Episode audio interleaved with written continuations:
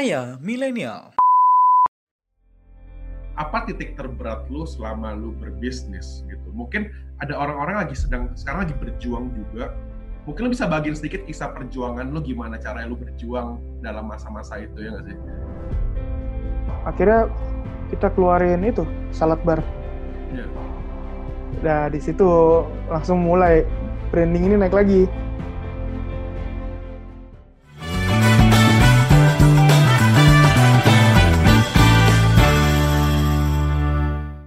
Nah, Bill, seberapa cinta lu dengan istri lu yang sekarang? Eh, salah, salah. Wah. Maksudnya, mungkin seberapa mungkin gue lebih cinta lu daripada istri gue men. seberapa cinta lu dengan pekerjaan kegiatan lu sekarang ini? gue sangat cinta kayak memang emang gue kuliah IT apa uh, Wirtschaf Informatik ya bisnis IT ya gue memang sangat sangat menjauh dari itu tapi ternyata uh, ke sini ke sini juga kepake. Kayak akhirnya ketika buat bisnis lu harus punya website lu harus pasang ads lu harus punya SEO waktu di Wirtschaf kan juga belajar uh, buhaltung ya? Ya, itu akuntansi Tor akuntansi. Excel ya berarti ya? ya pembukuan. Kayak lu buat apa, profit and loss statement, balance sheet itu. Kayak balance sheet ya sheet, balance sheet. Gitu tuh. Ya, jadi uh, uh, buat itu juga kayak uh, banyak lah yang dipelajarin kayak cash flow statement lu gitu. Hmm. Jadi ketika gua coba untuk berpikir di bisnis ini, gue ngerasa kok tenang ya. Jadi selama ini gue- kayak gue ngerasa gue capek tapi gue seneng. Sampai gue Hmm. kemarin kemarin gue saking capek ya gue kemarin benar-benar rute ter- terpanjang eh, naik naik mobil gue ke Bandung untuk ketemu Hmm. investor. Dari Bandung gue harus ke Bekasi, Bekasi Barat, habis dari Bekasi Barat langsung ke Bo- ke Tangerang, dari Tangerang ke Bogor. Tuh capek akhirnya gue buat posting. Gue capek tapi seneng, capek seneng. Wow. Nggak ada nggak ada kadang-kadang orang capek banget kerja gitu. Tapi ini capek seneng, puas gitu. Ada ada Ada passion yang berarti ya gue ya. Benar benar kayak live your passion tuh benar kayak kayak eh, menyenangkan lah kayak kemarin kalau kerja di eh, waktu di bank itu capek capek banget gitu pulang jam 7 Hmm. ya tapi kita tahu hasilnya ya kan 7 juta aja Ya. Hmm. Gitu. kalau sekarang sih capek bukan gara-gara duitnya tapi branding lu dikenal loh Hmm. Brand lu dikenal Hmm. Bener. Siapa yang nggak tahu sekarang ya? kayak gitu sih Nah, berarti kok eh, dari Koko dari karyawan dulu di di bank, terus sekarang jadi seorang entrepreneurship. Bisa nggak kok eh, bagi sedikit mungkin bedanya ketika Koko jadi karyawan dan sekarang jadi entrepreneurship itu mungkin kayak ada bedanya jam tidur atau pas weekend tuh masih bisa nongkrong sama teman-teman nggak sih? Oh, Karena- kalau kalau kalau uh, di entrepreneur tuh kerjanya fleksibel. Tapi aku membiasakan Hmm. diri, mendisiplinkan diri. uh, aku tetap bangun pagi. Jam aku Hmm. jam setidur malam-malamnya aku misal misalnya jam 2 misalnya jam 1 jam 2 Hmm. tetap berusaha bangun jam jam 6 ke toilet terus tidur lagi. Enggak enggak. Jam, jam, jam, enam- jam, jam, jam 6 bangun eh, ke toilet memang tapi ke, ke kasur tapi nggak tidur lagi. Biasa maintain. Kan kebanyakan kerja di semua di smartphone sekarang ya. Hmm. kayak semua di smartphone di Trello kayak gitu. Jadi kita cuman lihat update dari dari itu. Eh, semua berjalan dengan baik gak terus eh, ya kadang sih pernah sekali merem 30 menit tapi pasti jam 8 udah keluar. Iya. gitu. Terus eh, siang sempetin pulang ke rumah kan kantor dekat jadi Hmm. eh, siang sempetin pulang ke rumah ketemu istri makan siang. Terus Hmm. keluar lagi kerja. Gitu sih. Maksudnya eh, untuk jam semuanya sangat-sangat fleksibel. Eh, capek capek. Ha- ada harga yang harus dibayar iya karena kita masih muda. Hmm. dan eh, berharap nanti di eh, tuanya nanti semuanya udah au- autopilot ya Hmm. Asik. Wah. Autopilot. Siap. Artinya apa tuh berjalan sendiri semuanya? iya semuanya kayak kayak salat bar lah kayak kayak salad bar lah. Berarti salad bar udah uh, 60% udah autopilot. Ini tuh kayak kisah itu nggak sih, Bill? Yang Itaewon Class ya? Weh. Billy nah. Seroji. Yeah, Seroi. oh, bukan. Oh, nonton Billy, juga, Pak. Billy Seroji. nonton, nonton, nonton. Bagus, bagus. Sama, ya, yang bersama. Maksudnya dia juga ada beli saham, ada sama. Tapi bedanya aku nggak eksekusi. Sahamnya perusahaan gas negara itu nggak mungkin. Iya. Ibaratnya aku tuh masuk saham di sana cuma 0,01-nya kali pemilik saham di situ. Tapi tetap diundang RUPS kan kalau jadi kalau ini. Wah, Bener. Nah ini buat kawan-kawan, buat Victor juga dan kawan-kawan milenial kalau si Billy tuh sering banget apa dia hampir setiap hari tuh upload di story dia apa mengenai bagaimana dia investasi dan lain-lain. Kadang dia buka kelas juga ya kan Iya, iya. Bakal membuka kelas ya, Bill ya. Jadi yeah, kalau kalian mau ikut join bisa hmm. coba kalian pantengin terus di yeah. apa Instagram lu, Bill? Billy Cornelas, at Billy Cornelas. At Billy Cornelas. Nanti kita cantumin aja di Spotify itu juga. Soalnya hmm. terakhir aja dia bagi-bagi hmm. hadiah ya. Dia sering-sering bagi hadiah nih. Baik Iya, sekarang. Jadi yeah. Jadi gini. Terakhir bagi-bagi eh, lima ratus ribu rupiah. Wah, kalau tahu juga iya. iya. Satu juta bagi dua. Ya, jadi jadi aku selama ini berpikir kok uh, apa ya bisa bisa membuat sesuatu yang baru gitu. Kayak kemarin puji Tuhan, puji Tuhan maksudnya dapat saham nggak yang nggak berhenti berhenti karena emang kan pasar lagi turun dan emang sekarang saya sekarang tuh kayak strength on buy gitu loh benar-benar orang hmm. beli semua gitu jadi uh, kayak berkat tuh ada makanya kemarin kayak mikir ah, kenapa sih kita bagi-bagilah dengan cara yang unik gitu. Hmm. Nah, aku suka buka kelas tuh offline. Yang online akhirnya baru berani announce ya udahlah, coba di announce ada yang mau ikut, eh ternyata banyak ada 19 orang kemarin mau ikut. Akhirnya harus dibagi. Uh, terus uh, kalau kelas offline sering buka, aku tuh suka membagi ilmu lah, gitu. Hmm. Karena karena apa ya, ketika kita memberkati orang itu ya tabur tua ya Hmm. Itu akan balik lagi. Nah, uh, pertanyaan gue gini, Bill. Ini mungkin banyak juga menjadi masalah buat kawan-kawan milenial lainnya ya. Hmm. Uh, bisa nggak lo bagiin ke kita kalau bo apa ya apa titik terberat lu selama lu berbisnis gitu mungkin ada orang-orang lagi sedang sekarang lagi berjuang juga mungkin lu bisa bagiin sedikit kisah perjuangan lu gimana cara lu berjuang dalam masa-masa itu ya nggak sih di masa-masa apa ini masa-masa ketika lu mungkin ada titik terberat lu dalam bisnis atau hidup lu hidup bisnis lu kayak lancar terus ya atau gimana? Enggak, enggak, enggak, enggak. Nah, lu bagi sedikit Jadi, waktu itu bagaimana kisah lu berjuang itu loh. Jadi kita pernah bisnis uh, di tahun kedua. Kalau di orang Indo itu ngomong, kalau pebisnis di sini ngomong, ketika bisnis lewat, lewat dua tahun tuh berarti lu hebat dan bisnis lu akan jalan. Hmm. Gitu. Dua, dua tahun ya berarti dua ya tahun, minimal uh, ya. Hmm. Uh, jadi itu bisnis lu benar-benar udah udah ibaratnya sangat-sangat uh, bagus lah sistemnya. Dan kita udah ngelewatin itu udah tahun ketiga. Nah, di tahun yang ke satu, satu mau kedua itu yang sangat berat. Ketika kita ngelihat, nggak ada profit, man. Gitu. Hmm. Nggak ada gaji, benar-benar nol, gitu. Benar-benar nol. Ibaratnya, uh, karyawan kita tuh bisa dapat uang kita enggak gitu hmm. ya itu itu yang membuat kita waktu itu di dua bulan dua bulan itu berat padahal belum pandemik gitu belum pandemik seperti ini tapi keadaan sudah udah kayak gitu uh, ibaratnya kita kurang tahu posisi itu kayak benar-benar kebanting sama kompetitor lah gitu ya. ada kompetitor yang membuat program baru tapi kayak menurut kita wah kita ketinggalan start nih gitu. Jadi akhirnya ya udah kita kita coba pikirin lagi kita coba bangun. Jadi kita tuh meeting seharian apa yang bisa kita buat apa yang kita bisa kerjain dan akhirnya kita keluarin itu salad bar. Yeah. nah di situ langsung mulai branding ini naik lagi. Ketika salad bar dikenal eh catering ini naik nih hmm. gitu jadi kita harus uh, ketika emang dalam keadaan jatuh harus coba cari solusi sih. Lebih tepatnya kayak mau harus eksekusi apa ini yang lain supaya branding kita tetap eksis gitu. Iya. Berarti kayak kita dipancing juga secara nggak langsung ya itu Kreatif- kayak kreativitas kita lah ya dalam menjual produk ya nggak sih?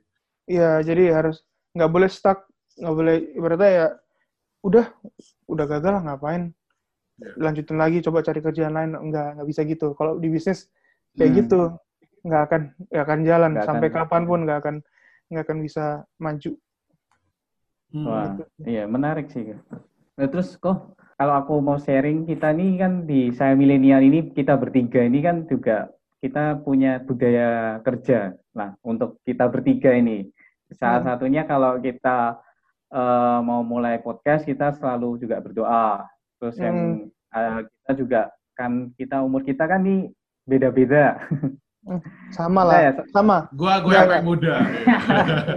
sama lah ya kalau milenial lah. Eh, kita respect satu sama lain. Nah, terus kalau di Koko ketika memimpin perusahaan, memimpin sebuah company ini, apa yang Koko terapkan gitu juga pada employee ketika Koko kerja bersama? Karena kan zaman sekarang nih kita nggak bisa kayak zaman dulu lagi kan antara owner sama employee, tapi kita harus bagaimana bisa membuat mereka ini merasa belonging dengan nah company ini. benar benar benar.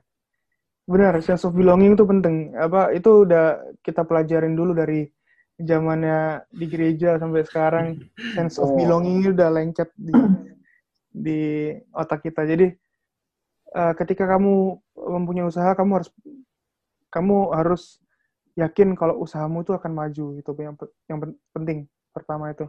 Terus yang kedua gimana eh, dengan dengan karyawan ya ini sekarang kita Iya. omonginnya nah dengan karyawan ini sangat penting ketika kita harus itu posisi itu semua equal Hmm. kita itu kita itu sama gitu loh sederajat gitu sama sama sama, sama maksudnya sama-sama makan nasi sama-sama ingin cari uang sama-sama pengen berusaha gitu cuman bedanya tetap ada gap di antara leader dan non leader jadi aku selalu Hmm. nyebut itu non leader ada yang leader dan non leader Hmm. leader ini yang memimpin yang non leader ini gitu tapi posisi kita tuh sama. Kita sama-sama manusia cari kerja makan dan segala macam jadi eh, kayak kadang-kadang memang ada lembur kadang-kadang capek tapi kayak aku berusaha eh, tetap kasih semangat. Yang pastinya Hmm. ya ada ada tambahan lah gitu loh. Jadi Hmm. tetap tetap eh, harus memanusiakan yang harus dimanusiakan gitu loh Ya. Oh, berarti bukan cuma cuan ya kok ya, tapi Iya. tentang orang. Iya, jadi jangan jangan gara-gara perusahaan kita tuh sampai lupa eh yang kerja ini orang loh gitu. Benar. Hmm. Bukan robot, bukan manusia, bukan bukan ataupun kasarnya eh, binatang gitu. Ya. Sorry ya, maksudnya eh, iya. tapi maksudnya Benar, benar, benar. kita tuh harus lihat posisi kita tuh equal sa- sama Hmm. satu lain. Tapi gimana caranya eh, kita mengatur waktu kerja itu juga penting sama mereka. Karena mereka kan ibaratnya ya kerja kan 9 to 5 ya. Hmm.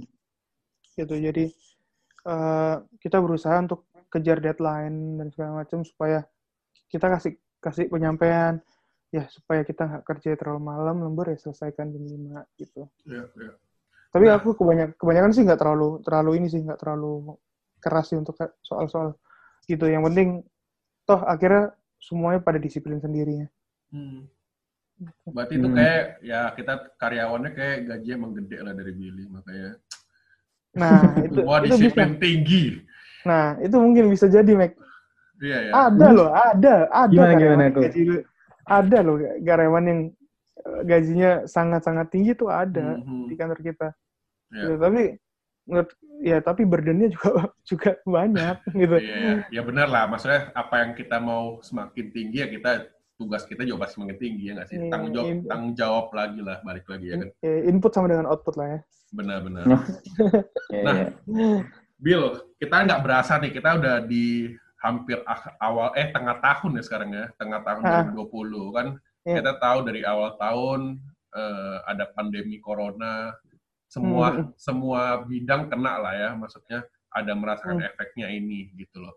Gue Iya. yakin di apa di bisnis yang lo jalanin sekarang juga eh, mengalami ini nih apa efeknya juga pasti ya kan. kayak Mhm. mall harus tutup terus kayak Iya, kita tuh parah.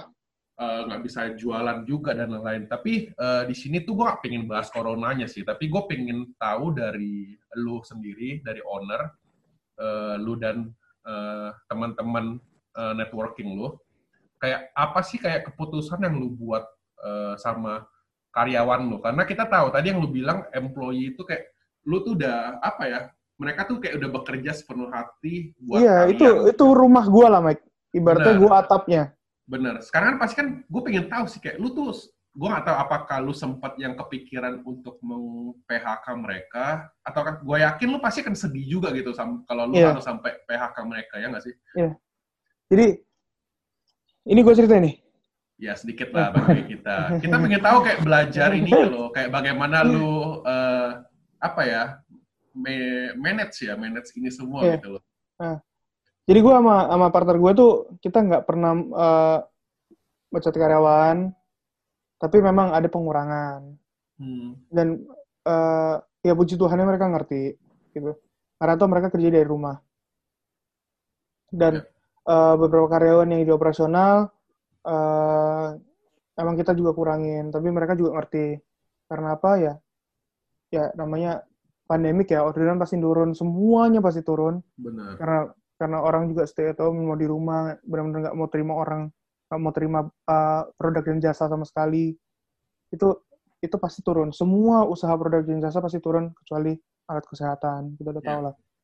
Nah uh, jadi kita tetap tetap uh, kerja mereka kerja walaupun kita ibaratnya uh, profitnya nggak terlalu besar tapi tetap uh, bisa membiayai mereka. Karena karena kita selalu pikir Mac ketika kita uh, mutusin kerja ke mereka kita selalu mikir kayak uh, gimana ya anaknya gitu loh gimana ya istrinya Hmm. gitu. Tuh, bahkan lu udah bisa sampai kepikiran ke sananya gitu loh, bagaimana keluar dengan keluarganya. Kan berarti maksudnya hubungan ini udah gak biasa lagi gitu loh. Iya, jadi uh, kayak gue tuh ngerasa ya, gue tuh orang lapangan kan, gitu. Orang Hmm. lapangan maksudnya ibaratnya orang yang sering ketemu dengan karyawan, orang yang saling sering keep in touch lah, hampir tiap hari itu ketemu mereka. Jadi kayak uh, kadang pun yang di Surabaya gue video call, gitu.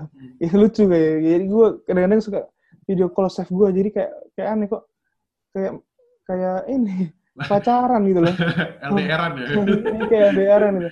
Tapi itu cara cara gue buat memanage hubungan gue sama Hmm. sama mereka gitu. Nah itu yang buat juga gue ngerasa gue tetap dikasih berkat sampai sekarang untuk membiayai mereka gitu. Iya. Gitu. Dan Hmm. dan gue juga mikir kemarin gue profit, gue seneng gitu, gue happy. Tapi karena ketika gue nggak terlalu profit, untuk apa gue mutusin mereka gitu? Hmm. Toh berkat itu dari mereka. Hmm.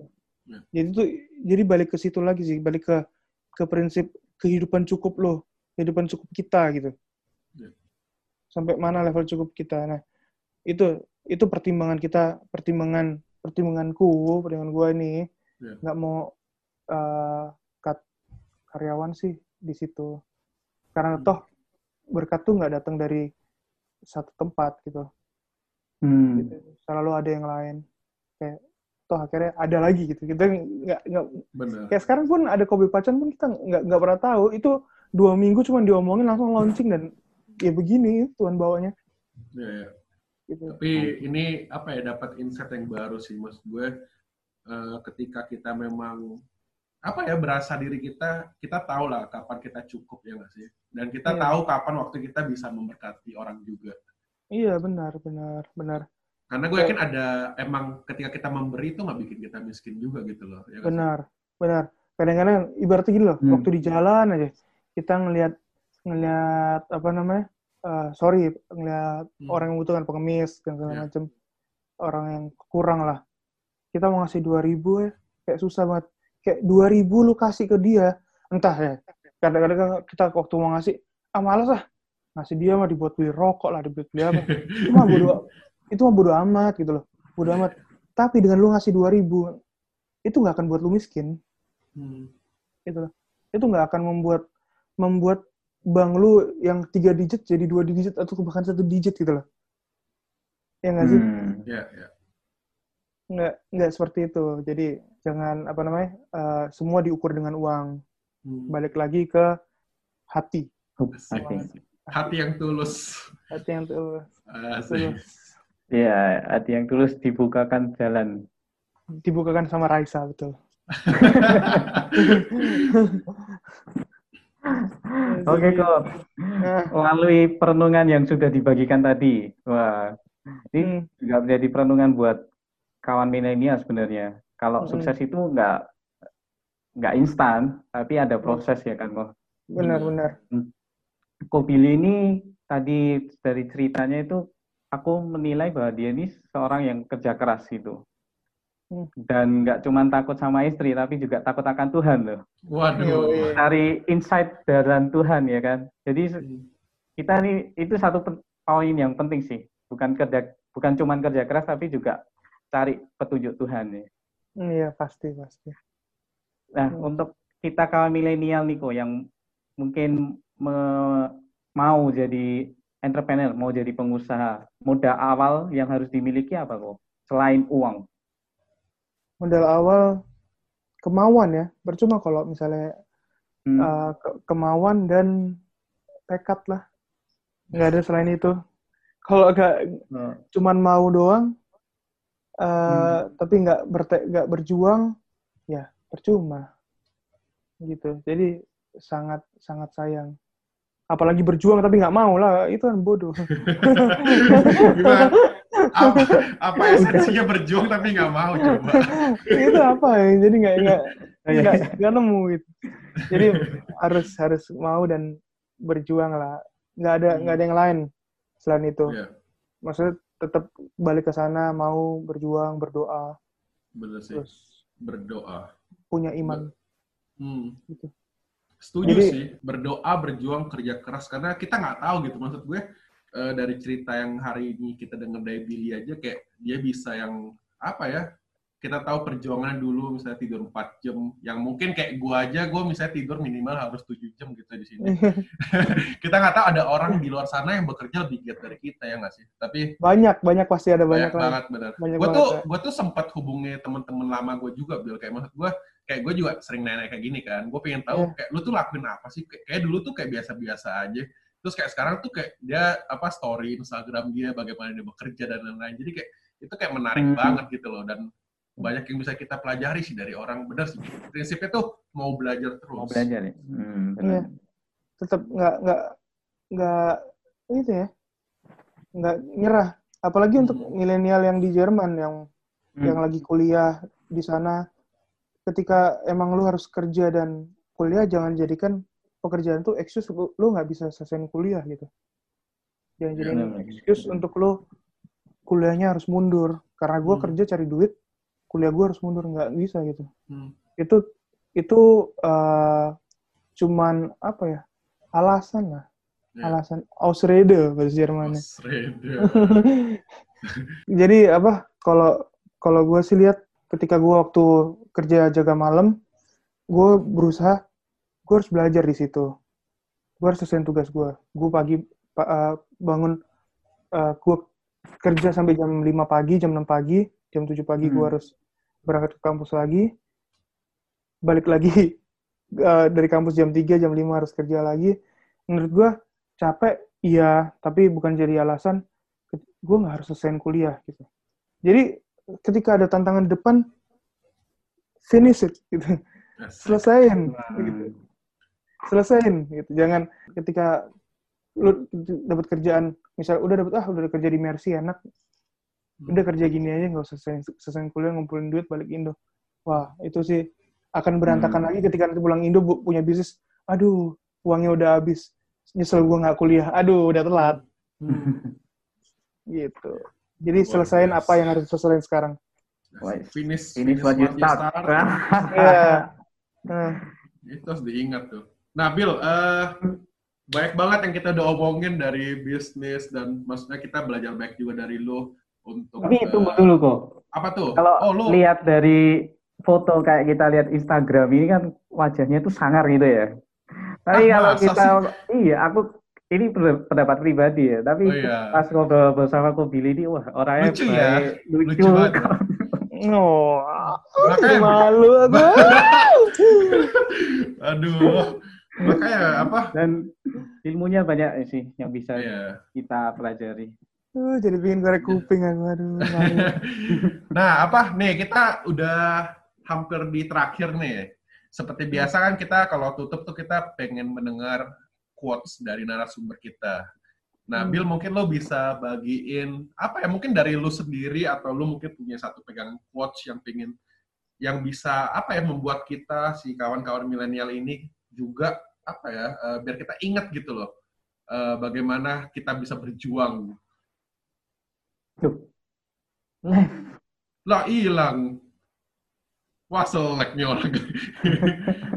gue langsung panik, tiba-tiba hilang. coy. Loh, uh, Kenapa itu nggak kecolok ke baterai? iya, iya langsung dung mati. Nih, Iya, apa iya. kita kita nih sekarang sudah hampir di terakhir-terakhir nih, Bill. iya. Eh, biasa kita tuh kalau di podcast ini tuh kita selalu ingin mendengar apa ya kata-kata motivasi atau mungkin eh, kalau narasumber itu punya quotes yang memang menguatkan hidupnya gitu loh. Lu mungkin bisa bagi kita satu nggak?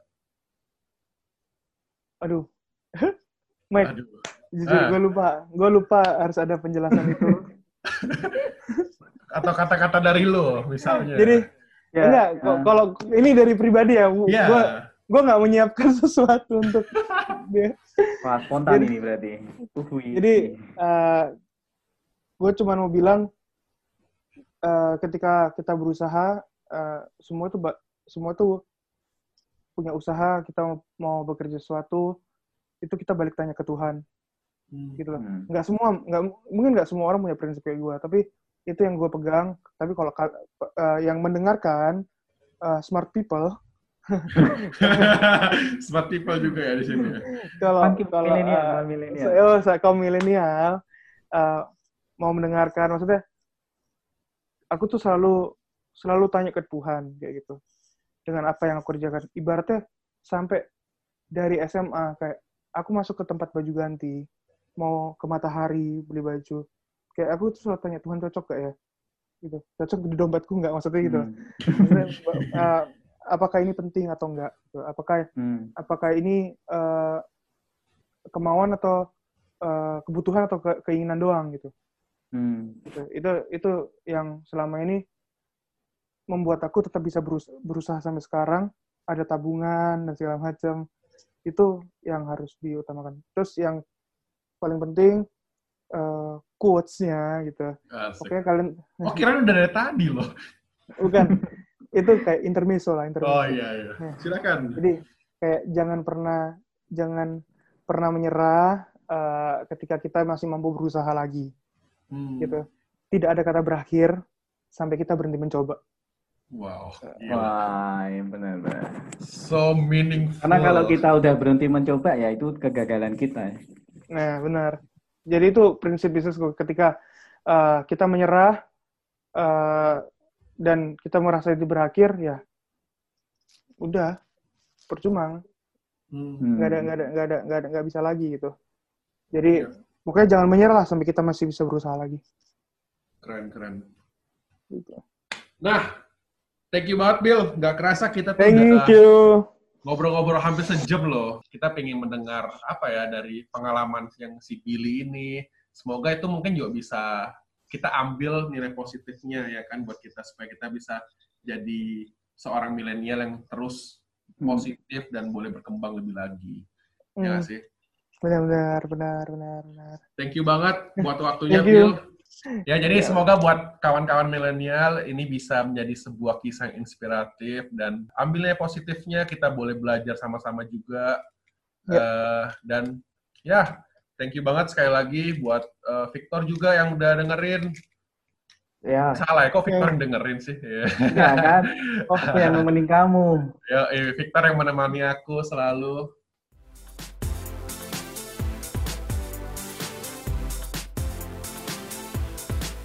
Kalau kalian punya feedback dan saran, jangan ragu-ragu untuk DM kita aja di Instagram @sayamilenial Aku yakin lewat feedback dan saran kalian, kita akan terus berkembang jadi lebih baik lagi dan bisa terus untuk menginspirasi kawan-kawan milenial yang lain. Stay tune with us. Saya milenial, kita kawan milenial.